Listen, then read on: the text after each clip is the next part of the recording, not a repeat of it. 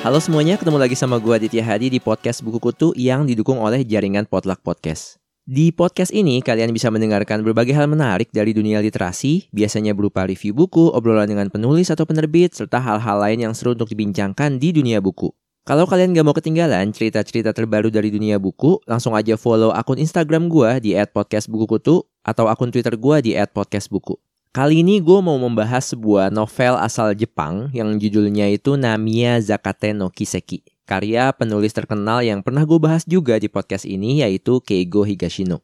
Buku ini terbit pada tahun 2012 dan telah diterjemahkan ke dalam bahasa Inggris dengan judul The Miracle of Namiya General Store. Dan telah diterjemahkan juga ke dalam bahasa Indonesia dengan judul Keajaiban Toko Kelontong Namiya. Sebenarnya, buku ini tuh cukup berbeda dengan karya Keigo Higashino yang lain. Seperti yang sudah gue jelaskan di episode-episode sebelumnya, Keigo Higashino ini terkenal karena buku-buku yang bergenre detektif alias misteri. Dengan tokoh utama detektif bernama Kagakyo Ichiro seperti di buku Melis atau buku Newcomer. Dia juga terkenal dengan seri buku detektif Galileo seperti The Devotion of Suspect X dan Salvation of a Saint. Sedangkan buku keajaiban tokoh kelontong Namiya ini justru mengambil genre yang cukup berbeda, yaitu semacam magical realism atau mungkin fiksi ilmiah. Napasnya sendiri menurut gue mirip dengan buku-bukunya Haruki Murakami yang asal Jepang juga, seperti One Q84 yang pernah gue bahas juga di podcast ini. Meski genrenya relatif berbeda, tapi buku ini juga nggak kalah terkenal dibanding buku-buku Higashino yang lain. Buku ini pernah memenangkan Chokoron Prize di Jepang dan terjual hingga lebih dari 1,6 juta kopi di Cina. Bahkan buku ini juga telah diadaptasi menjadi sebuah film di Jepang pada tahun 2017. Pada tahun yang sama, adaptasi film dari buku ini juga muncul di Cina, bahkan dibintangi oleh aktor terkenal Jackie Chan. Popularitas buku keajaiban toko kelontong Namiya ini semakin meningkat setelah terlihat dibaca oleh Kim Sok Jin, salah satu personil dari boyband terkenal asal Korea Selatan yaitu BTS. Menurut dia, ini adalah buku yang lembut sekaligus menyentuh. Dan seperti buku-buku yang juga dibaca oleh para selebritas yang lain, penggemar BTS pun ramai membicarakan buku ini. Dan memang di Korea Selatan sendiri buku ini cukup terkenal. So, buku ini diawali dengan sebuah kisah di tahun 2012 ketika tiga orang tokoh yaitu Atsuya, Shota, dan Kohei diceritakan baru saja melakukan perampokan. Dan mereka ingin kabur dari kejaran polisi. Sayangnya mereka mengalami masalah dengan mobil mereka dan memutuskan untuk bersembunyi di sebuah toko kelontong tua yang sepertinya sudah tidak dihuni. Rencananya mereka hanya akan bersembunyi hingga keesokan harinya dan ketika pagi tiba mereka bisa menghindari kejaran aparat keamanan yang sedang mengejar mereka. Dan seperti yang bisa kalian baca di judul buku ini, toko kelontong tersebut bernama Toko Kelontong Namiya. Situasi yang terkesan biasa tersebut menjadi luar biasa karena mereka bertiga kemudian menemukan sebuah surat di dalam sebuah kotak surat yang ada di toko kelontong tersebut. Mereka pun merasa aneh karena toko tersebut terkesan tidak berpenghuni.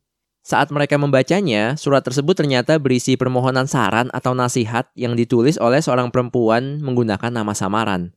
Sepertinya pemilik toko kelontong tersebut pernah membuka jasa untuk memberikan saran atau nasihat bagi orang-orang yang menginginkannya. Karena iseng dan melihat bahwa toko kelontong itu udah nggak berpenghuni, ketiga penjahat tersebut pun memutuskan untuk membalas surat tersebut.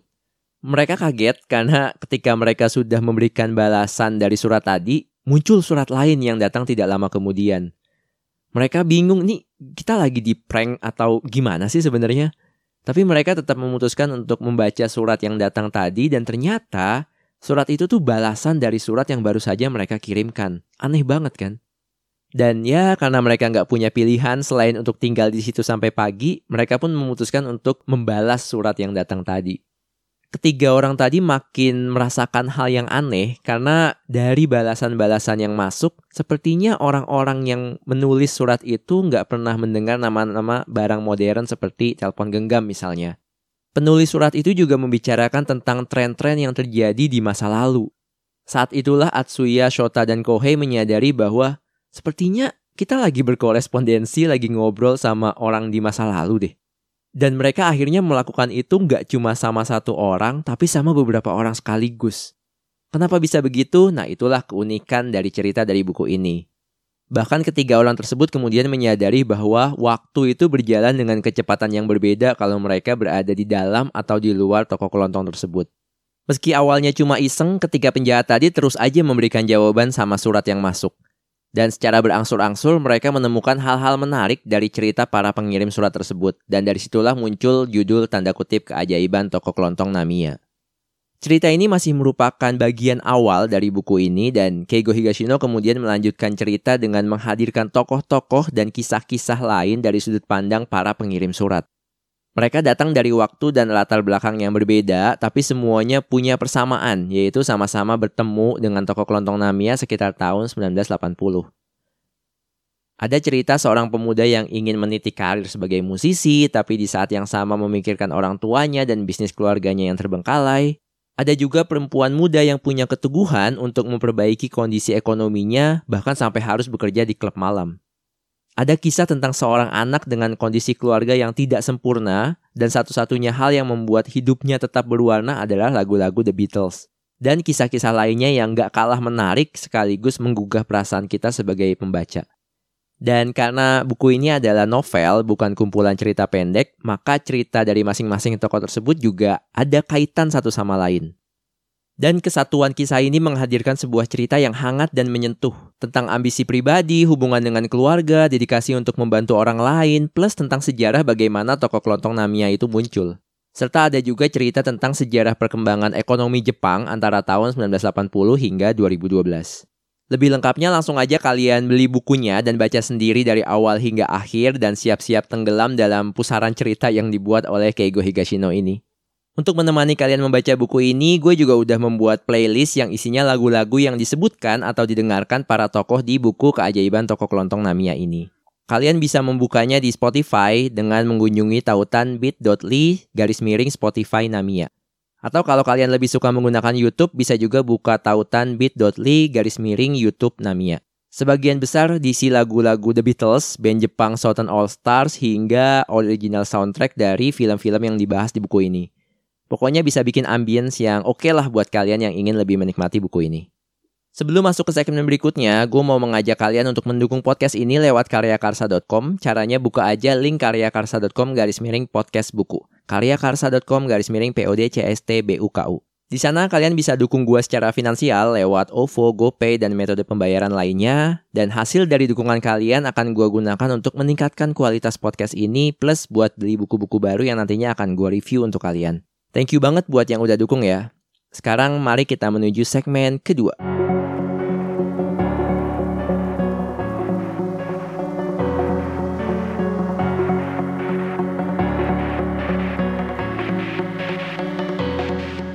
Untuk buku keajaiban toko kelontong Namiya karya Keigo Higashino ini gue bisa ngasih 4 dari 5 bintang. Buku ini seperti punya banyak hal yang membuat orang suka sama buku ini, mulai dari alurnya, karakter-karakter tokohnya, hingga ceritanya yang menyentuh.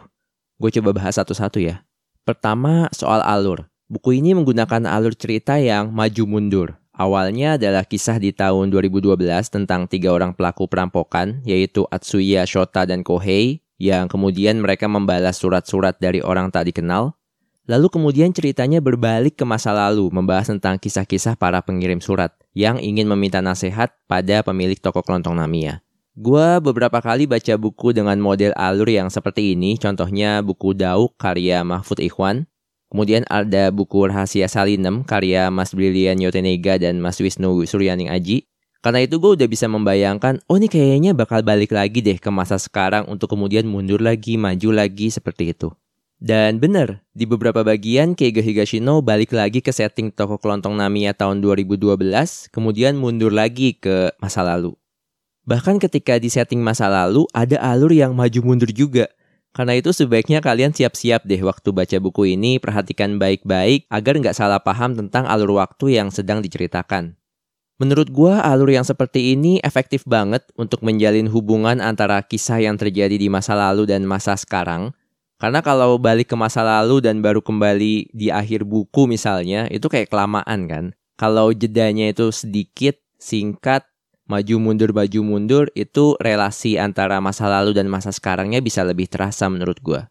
Konsep maju mundur ini pun bisa membuat semacam kontras baik dari sisi budaya, teknologi maupun situasi masyarakat antara tahun 1980 dan tahun 2012. Karena sepertinya Keigo Higashino emang pengen membuat perbandingan antara dua hal ini. Bagaimana kehidupan di masa lalu tanpa telepon genggam, tanpa internet, dibandingkan dengan zaman sekarang gitu. Untuk curhat dan minta pendapat aja udah bisa di Twitter, Instagram, dan aplikasi online lainnya. Walaupun untuk efektivitasnya, nah ini masih diperdebatkan apakah lebih efektif di zaman sekarang atau di masa lalu saat kita masih mengandalkan surat menyurat.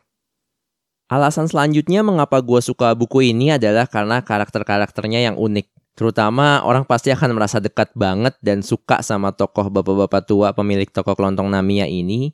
Gue gak akan spoiler, tapi ada beberapa hal yang emang menarik banget tentang si bapak ini. Terutama dalam hal caranya menjawab surat-surat dari orang yang mengajukan keluhan.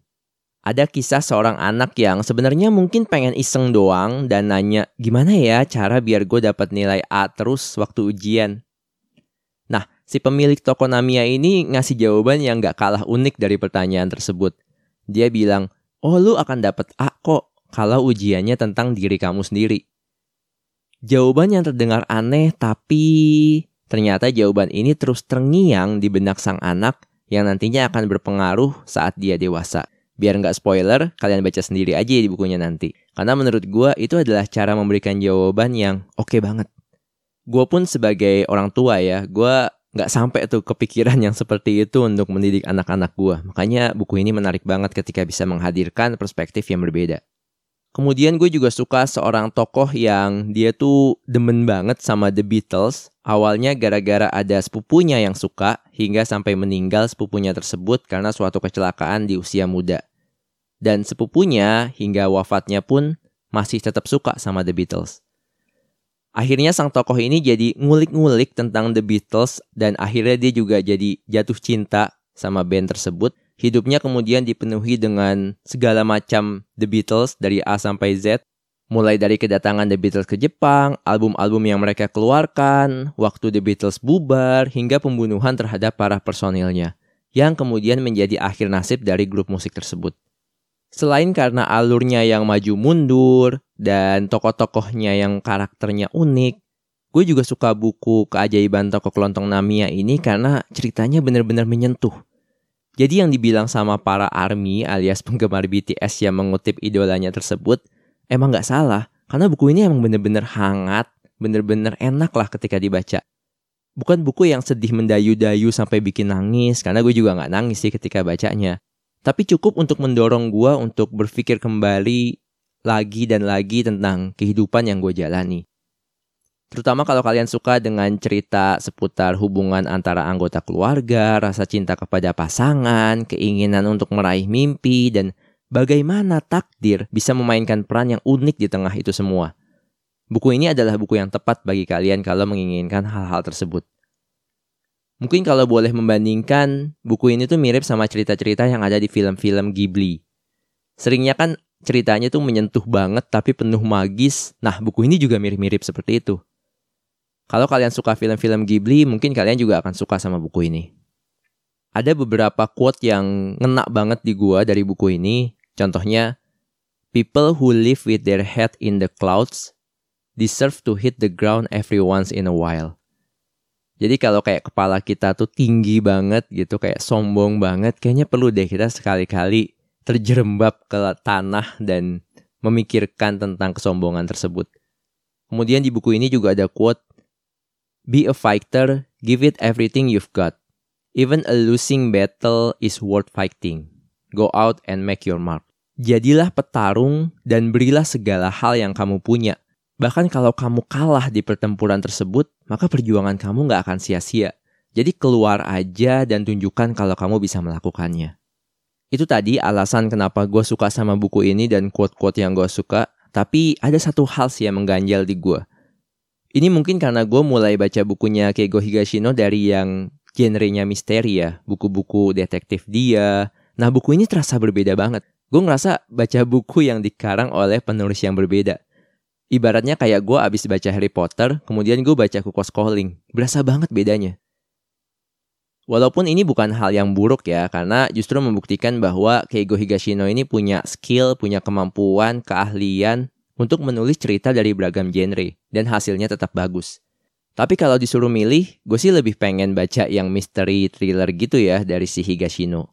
Sekali lagi ini lebih ke masalah selera dan fakta bahwa gue mulai dengan buku Catatan Pembunuhan Sang Novelis dari karya-karyanya Keigo Higashino, baru kemudian baca buku Keajaiban Toko Kelontong Namiya ini.